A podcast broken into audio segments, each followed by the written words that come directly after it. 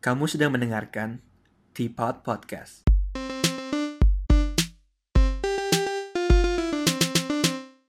Hello, welcome back to Teapot. Hari ini kita bakal ngomongin soal fenomena bunuh diri dan mental health. Dan hari ini juga kita kedatangan tamu nih, uh, seorang murid psikologi dulunya, namanya Elvina. Boleh sapa dulu penonton kita. Halo, nama gue Elvina. ya, jadi karena dia jurusannya psikologi dan kita ngomongin mental health, pasti semuanya dia ngomongin pasti benar punya. Nggak lah bercanda. Oke, paling itu langsung mulai aja nih dari berita terbaru-baru ini ya. Kan uh, tahun lalu ber- tahun lalu ya. Bulan lalu mungkin ya. Iya udah tahun lalu juga 2019 sih. ya 2019 kemarin kan Enggak, dekade yang kemarin. dekade dekade yang kemarin sih. lebay banget coba dua bulan juga Eh, itu kan banyak banget tuh berita-berita soal artis Korea yang bunuh diri ya yang katanya mereka itu depresi dan lain sebagainya. Akhirnya mereka sampai commit suicide gitu. Contohnya kayak siapa namanya? Guhara sama Suli ya dari band apa namanya? FX FX. iya iya. Nah kalau lu sendiri melihat hal ini wajar gak sih sebenarnya kalau orang-orang di industri kayak gitu uh, mereka jadi de- depresi atau kayak apa sih yang menyebabkan uh, para artis ini bunuh diri gitu kalau di Korea? Sebenarnya eh kayak semua orang bisa semua orang bisa depresi sih sejujurnya. Kayak apalagi kita kayak working adults gitu kalau banyak apa tekanan di kantor atau apa gitu atau dari keluarga misalnya kayak semua orang bisa depresi sih. Cuman kayak dari yang gue baca di gue baca sekilas di berita gitu kalau jadi artis Korea especially kayak katanya mereka beneran dikritisize banget gitu. Kayak misalnya si Suli katanya tuh dia lumayan kayak em, kayak apa ya defy social norms gitu Defy social norms, Maksudnya ya. kayak melanggar sosial norma sosial gitu, kayak gimana maksudnya? Nah, maksudnya misalnya kalau artis Korea itu mereka ada ekspektasi tertentu gitu. Ah. Tadi gue baru baca bikin last minute research dikit. Katanya tuh misalnya kayak di Instagram dia em, kayak ada satu gambar dia tuh kayak nggak pakai em, bra, Hmm. terus kayak kelihatan gitu kan. Terus semua orang kayak bilang oh kayak kritisasi dia gitu di social media. Terus katanya kalau em, idol-idol cewek Korea gitu kayak image mereka tuh harus misalnya kayak apa kayak innocent atau misalnya katanya pas dia eh, lagi terkenal banget harusnya eh, artis Korea itu nggak boleh punya pacar gitu. Oh, jadi dia tuh banyak skandalnya gitu Iya yang terus kena. iya. Oh, Sebenarnya itu bukan skandal sih, cuman Iya. kayak ekspektasinya itu tinggi banget, terus kayak sampai orang stres banget. Terus kayak dia berbeda, terus dia she's very vocal about it juga gitu. Berbeda kayak Iya. gimana? J- jadi kalau orang kritis dia, dia ngelawan belain diri dia sendiri gitu. Iya gitulah. Kalau misalnya di Oh. Amerika gitu kan semua orang bakal kayak wah dia berbeda terus dia nggak kayak dia nggak takut uh, express herself gitu kan. Kalau misalnya di Korea kayak mereka beneran em, apa ketat banget gitu lah. Kayak Hmm. ekspektasinya itu kayak you have to meet it gitu. Menarik banget sih. Gue kira masa justru itu lebih ke depresi karena tuntutan di industri. Misalnya, oh lu harus ada di ber- berapa banyak gitu dalam sebulan atau harus tampil, harus uh, apa sih ngadain event, event meeting atau apa pun itu. Jadi dia si- sibuk banget sampai nggak nggak punya waktu buat uh, dirinya sendiri gitu. Enggak kali ya. Lebih Menurut gue itu kayak itu iya satu tekanan terus kayak dalam kehidupannya di luar ekspektasi industrinya sendiri kayak ada lagi tekanan dari Oh. orang-orang sama her own personal life gitu loh. Jadi Oh, menurut jadi gue mana tekenanya dari segala arah gitu Iya jadi sih, makin parah. iya. Ah, iya sih. Berarti kalau di di Indonesia juga sepertinya kayak gitu juga saya kayaknya ya.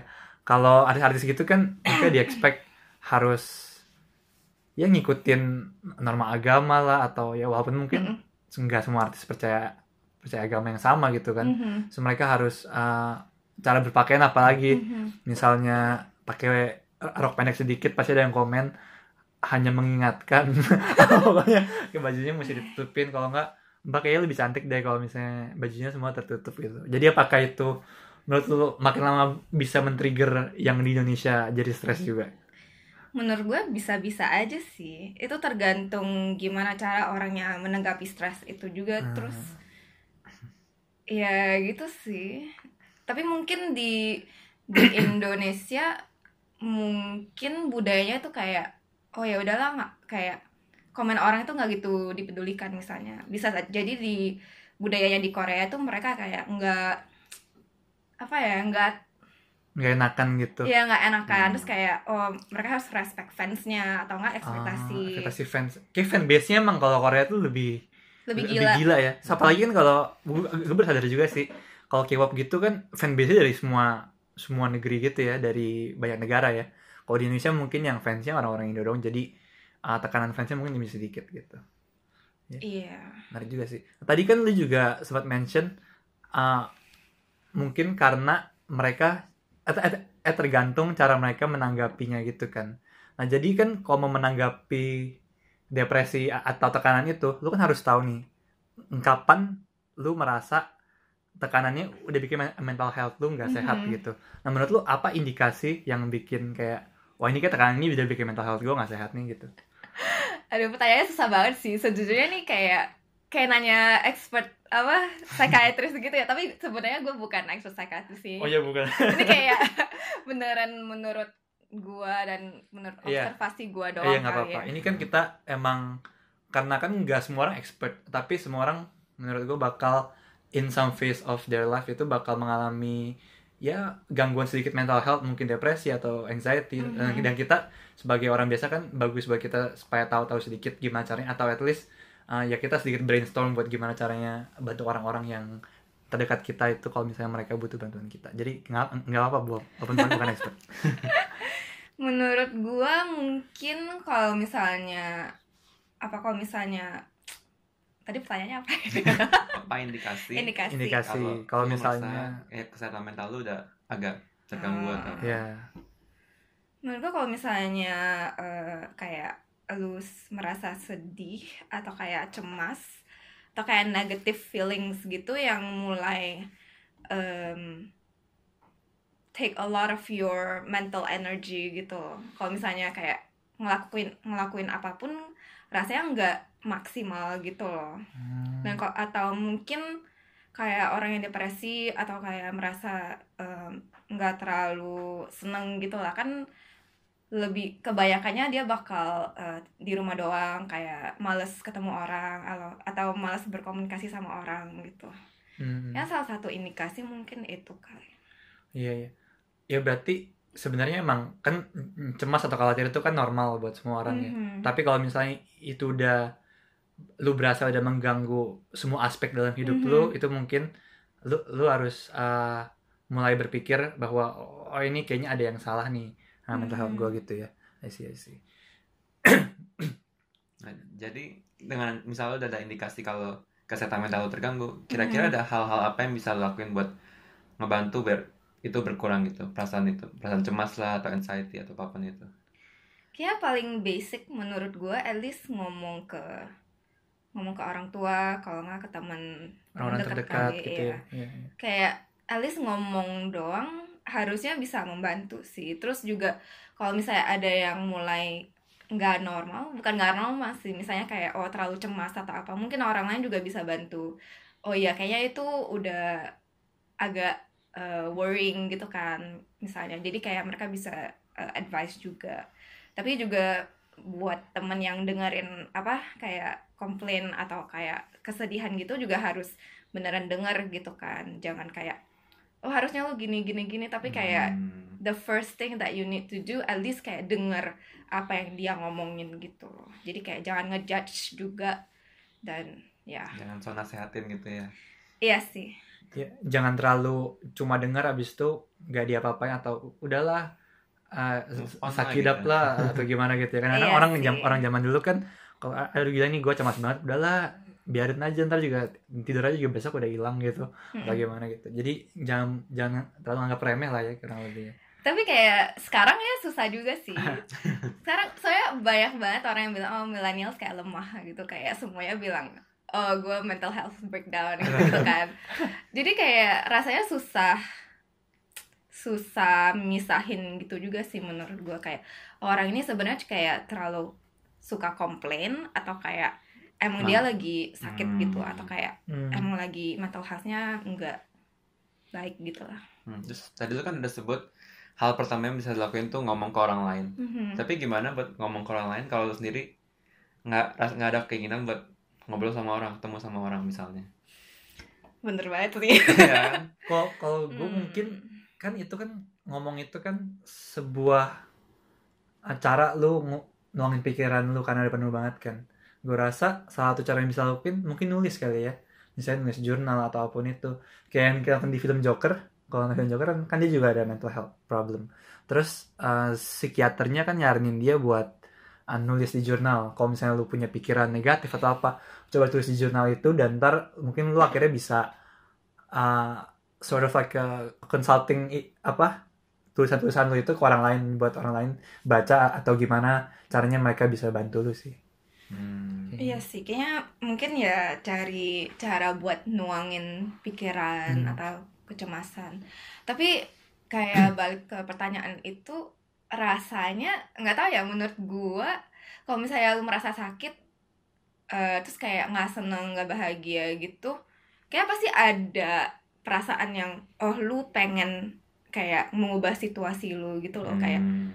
kayak nggak enak banget gitu kayak lu stres banget terus kayak pengen ada yang berubah ada yang kayak improve gitu sih jadi kayak gimana pun ya kalau misalnya ada kayak eh, bantuan yang tersedia gitu misalnya at least kayak ngomong ke orang atau bisa ke um, counseling Psychologist ya gitu ya. psychologist gitu ya mungkin kayak bakal Ini sih mirip sama yang kita ngomongin di episode sebelumnya yang soal kegelisahan sel- setelah lulus ya. Mungkin orang dulu mungkin malu kalau mau nyari help atau ke psikologis soalnya takut dikira orang gila lah atau apa pun Mhm. itu. Tapi gue rasa di society sekarang ini yang banyak pressure-nya, gue rasa sih kalau itu untuk kebaikan lu sendiri nggak usah malu sih. Dan semua orang juga Mhm. udah mulai memaklumi ya apa Mhm. soal mental health ini dan gue juga banyak banget dengar podcast gitu banyak artis ya ju- justru mereka pergi ke ke psikologis gitu sih ba- banyak banget dari mereka dan katanya mereka punya satu kayak langganan gitu yang banyak yang datang tuh artis-artis jadi supaya Hmm. kalau mereka pergi keluar kan ntar kalau parkir di mana ntar ada media bilang oh ini gila dia pergi ke psi- psikologi atau stres dia gitu jadi akhirnya mereka punya sort of kayak langganan psikologis yang buat orang-orang artis gitu Hmm. menurut gue kayak perlu sih apalagi Iya. kayak mereka kan high pressure banget terus Bener. banyak ekspektasi tuntutan dari itu ya Iya. Nah tadi kan lu, lu juga sempat mention katanya orang zaman sekarang kan di apa anak-anak zaman sekarang dibilang lemah gitu kan. Mungkin mungkin kebanyakan komplain dan lain sebagainya. Mhm. dan gue juga sempat merhatiin ada sebuah isu nih. Kan dengan meningkatnya awareness dari mental health ini banyak youtuber-youtuber gitu yang yang sharing atau came out gitu. Bilang oh ya gue punya mental health. Terus dia sharing. Akhirnya semua banyak yang support dia banyak likesnya banyak subscriber. Dan karena Mhm. Karena meningkatnya exposure itu banyak orang-orang yang menggunakan momentum ini Mhm. buat pura-pura dapet mental mental health problem gitu. Jadi menurut lu pendapat lu gimana soal fenomena orang-orang yang suka meng- eh, mengeksploitasi buat nambahin subscriber lah, iya iya penonton gitu kan. mengeksploitasi fenomena ini gitu. menurut gue itu parah banget sih soalnya kayak gara-gara orang ini semua orang jadi nggak percaya sama orang yang mengklaim kalau mereka ada mental health issues gitu kan Terus kayak yang awalnya bagus semua orang udah nggak nggak kayak ngejudge gitu lama-lama jadi kayak apaan sih kayak merasa semua orang mungkin jadi kayak apa sih namanya Jadi nggak yakin gitu ya. eh jadi nggak yakin terus kayak Jadi selalu kayak yang the, suzon the, the boy who cried wolf kali ya. iya itu yang Terlalu, terlalu sering ngomong mental health yang akhirnya tahu orang jadi nggak percaya lagi gitu. iya iya atau yang jadinya kayak hal biasa aja gitu ya bukan hal iya terus Heeh. Terus kalau misalnya beneran orang yang bilang oh ya eh, om- orang yang beneran ada masalah sama mental health, terus dia bilang oh ya gue ada masalah, terus langsung di kayak bilang ah lu bohong kali. Kayak Cari gitu. sensasi lo. Iya cari sensasi. buat buat buat exposure doang lo gitu. Iya terus malah malah apa ya namanya backfire gitu ya awalnya mau nge-raise awareness about mental health malah sekarang jadi kayak orang-orang nggak mau cerita lagi tentang masalahnya dia atau nggak mau terbuka tentang mental health issue dia gitu kayak itu kan jadi malah makin parah gitu ya. Jadi menariknya karena mereka ngeres awareness dan banyak orang yang mengeksploitasi ini takutnya banyak orang-orang yang jadi desensitize gitu ya. Jadi berasa awareness ah ini mah cuma buat view doang nih ini bohong ini bohong atau iya. Hmm, tapi nggak tahu ya kayak susah juga sih daripada at least ada yang mencoba dan nggak tahu kayak lebih banyak benefitnya atau risknya dengan adanya ini. Tapi menurut gue it's a stop sih Misalnya tadi ada orang yang beneran depresi nih. Mhm. Gue cuma mau nanya. Terus em, mereka bikin em, kasih tau itu di sosial media lah, misalnya bikin video atau nulis di status. Pandangan lu menurut lu gimana tentang hal ini? Apakah itu hal yang benar buat dilakuin atau gimana? ya soalnya ada siapa ya gue lupa gue pernah baca ada yang bilang katanya ada orang-orang yang di Instagram tuh sering ngaku dia tuh introvert tapi dia posting mulu gue introvert lah atau dia stres lah dia apa tapi the, the thing is orang yang introvert jarang posting di sosial media gitu ngerti gak? susah sih Jadi kalau orangnya banyak posting habis itu isinya katanya selfie semua ta- tapi dia klaim dia punya mental health and dia introvert tuh mo- mo- most likely itu orang-orang yang bohong katanya. ya kayak gitu maksudnya. Itu maksudnya gimana? kayak menurut gue it's hard to say soalnya gue juga introvert kan jadi kayak maksudnya in real life eh, mungkin gue nggak secerewet atau kayak nggak seberisik di social media gitu misalnya kan Oh, ya karena gue nggak bisa ngomong in real life jadi Hmm. social media itu cara gue ngerant dan kayak ngungkapin semua yang gue mau ngomong gitu loh kan nge-type Hmm. doang kan gampang banget gitu Mm-mm. jadi ya nggak bisa beneran bilang mereka bohong doang gitu Iya sih. sih. Jadi mungkin gua. jadinya sedikit berbahaya juga ya. Takutnya karena ada yang beneran eh kan, kan banyak yang bohong juga nih. Habis itu ada yang beneran mereka- lagi came out gitu lagi cerita Mhm. terus ntar ada orang-orang yang yang kira yang beneran ini bohongan saya kira malah dikata-katain pressure-nya malah makin tinggi lagi ya iya sih makanya menurut gue itu gue nggak mendukung eh, nggak rekomen orang buat ngeren di social media juga sih. Soalnya kan ya netizen kan apa ya julid julid. Iya sangat julid. sangat kritis. Terus kayak em, kalau lu nggak mau dikritisize ya jangan taruh semuanya di social media Hmm, juga benar gitu. benar. Soalnya kan kalau dari sosial media itu statement itu punya semua orang dan itu bisa Mhm. diartiin apa ya sama semua orang ya. Iya. sih sih. Dan lo ada tips ya kira-kira gimana caranya biar tahu yang mana yang benar dan yang mana yang salah nih kira-kira Gimana cara? kalau di sosial media gitu Susah sih. Menurut gue ya cuman teman-teman terdekat sama Hmm. keluarganya yang bakal tahu gitu. Dan kalaupun ya sebagai orang yang ngepost, kalau lu merasa lu bener ya jangan denger apa kata orang lain gitu kayak yang ngata-ngatain gitu ya ya yang lu nggak kenal tuh nga- ngata-ngatain lu ya jangan didengerin gitu kalau misalnya bener itu benar eh, orangnya depresi gitu kok orang-orang terdekat sama keluarga pasti benar peduli gitu kan and they Hmm. will show care ya guys emang yang paling bagus itu ngomongnya sama orang terdekat juga sih ya Mm-mm. apalagi kan kalau misalnya kalau sharing sosial media kan kayak expose ba- banyak banget orang-orang itu dan walaupun orang-orang support lo atau gimana pun kan support di sosial media apa sih paling cuma sebatas like komen tapi kalau misalnya lu ngomong sama orang terdekat lu bisa nuangin semua pikiran lu dan orang terdekat lu bisa dengerin dan ya siapa tahu dia dia, dia juga bisa ngasih solusi Mhm. yang ya lumayan konkret atau atau praktikal bisa lo gunakan. Karena juga kadang-kadang orang itu kan pengen numpain pikiran bukan dapet pengen bukan cuma ada pengen dapat solusi tapi juga ya kadang-kadang pengen didengerin aja gitu kan ya. Iya, dan menurut gue mungkin ada bagusnya juga sih ada sosial media kalau misalnya orang yang beneran nggak kayak susah ngomong langsung Hmm, gitu, terus kayak atau eh, ada teman yang emang introvert dan jarang ngomong tapi kalau misalnya dia ngeren di social media terus lu merasa kayak oh eh, lu bisa reach out juga ke dia terus kayak bilang oh I actually care gitu terus kayak mau ngebantu gitu kan ya bisa bagus juga sih. Menarik banget sih berarti jadiin sosial media itu platform di mana orang-orang bisa oh ada apa-apa abis itu baru solusinya secara personal gitu ya. Iya, Mungkin lebih oh, oh lu butuh bantuan apa ntar kita ngobrol ya atau gimana gitu ya. iya. Menarik juga itu. Hmm, Iya. Gue punya satu pertanyaan. Tadi kan kita udah ngebahas cara buat ini agak telat nih cara buat ngatasin mental health salah satunya Mhm. ngobrol ke orang gimana kalau misalnya menggunakan medikasi menurut lu tuh hal yang Hmm. gimana kayak soalnya gue pernah baca sering gue sering dengar katanya di Finland itu em, stat- orang-orang yang bahagia tuh statistiknya tinggi tapi katanya itu gara-gara banyak eh, dari mereka yang menggunakan medikasi gitu soalnya kan em, rasa cemas gitu-gitu bisa karena bisa karena ketidakseimbangan em, substansi kimia di otak kita gitu Mhm. Oh. Dan- ya mereka emang direkomendasi buat mengkonsumsi medikasi-medikasi tertentu Oke pakai antidepresan gitu Iya, ya. misalnya. Oh. Iya. iya. Kalau itu gue nggak bisa komen sih, soalnya kan beneran kalau misalnya beneran ada kayak ketidakseimbangan di otak lu, itu beneran harus dokter yang suggest gitu kan.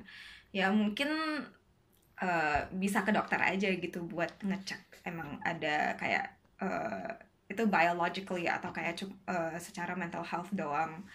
Tapi ya kalau misalnya udah parah banget, berarti emang harus konsumsi eh, medikasi gitu. Tapi menurut gue ya harus hati-hati juga jangan terlalu eh, tergantungan sama medikasi juga kan.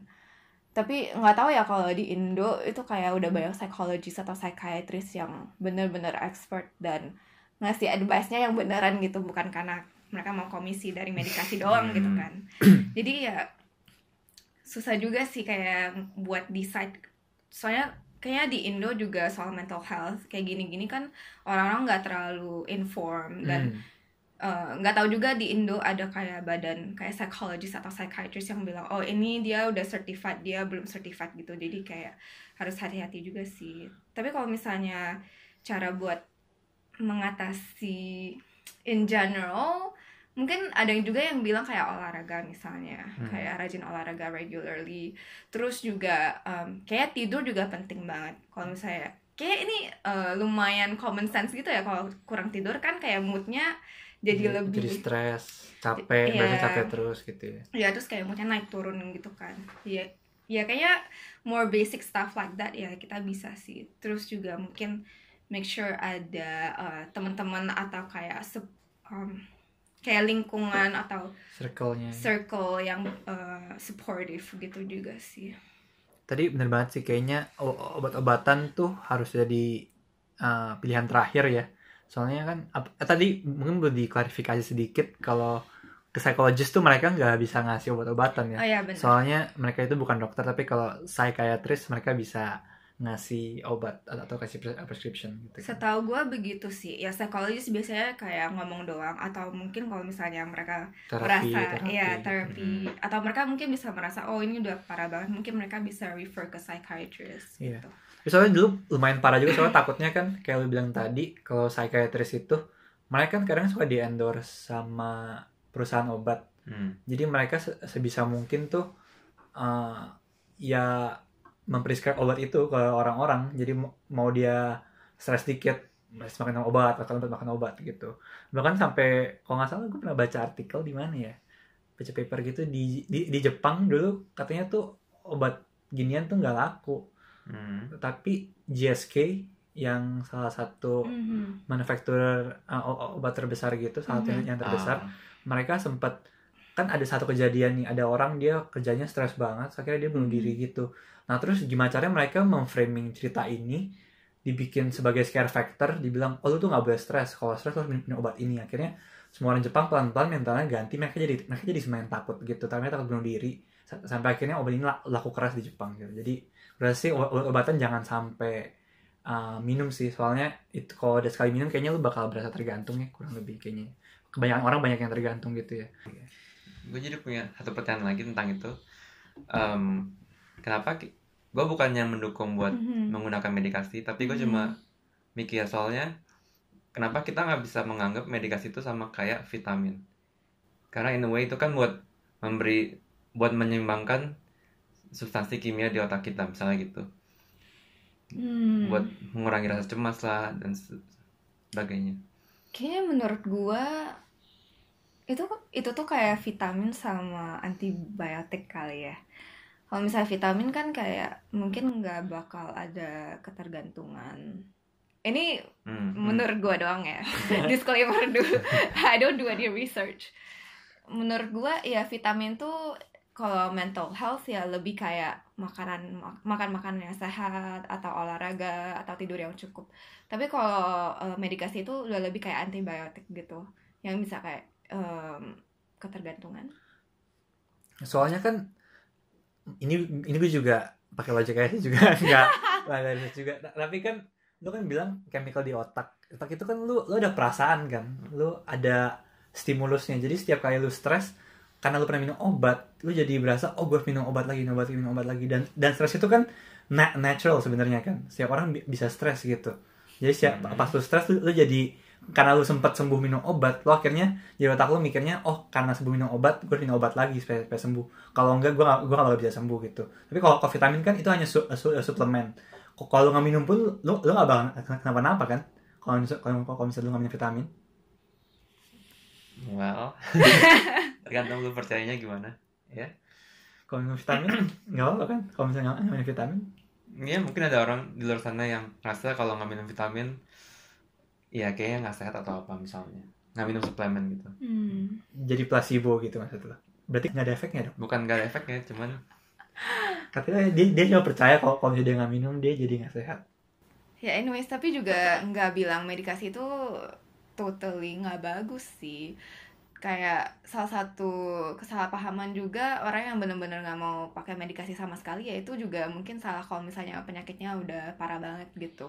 Jadi kayak harus ada kalau ini menurut gue kayak yang udah parah banget kayak harus ada medikasi tapi juga harus ada misalnya counseling atau terapi gitu hmm. kayak berjalan bersamaan gitu sih ya jadi yang tahu I guess kayak psikologis atau psychiatrist gitu hmm. ya nggak bisa advice on that ya tadi bener bilangnya kan jadi last resort gitu ya pilihan terakhir tapi kalau misalnya masih bisa nggak pakai obat-obatan gue rasa lebih baik nggak pakai obat-obatan sih misalnya jadi nggak terlalu hmm. Hmm, I'm yeah. not sure. Itu kayak yeah. bener.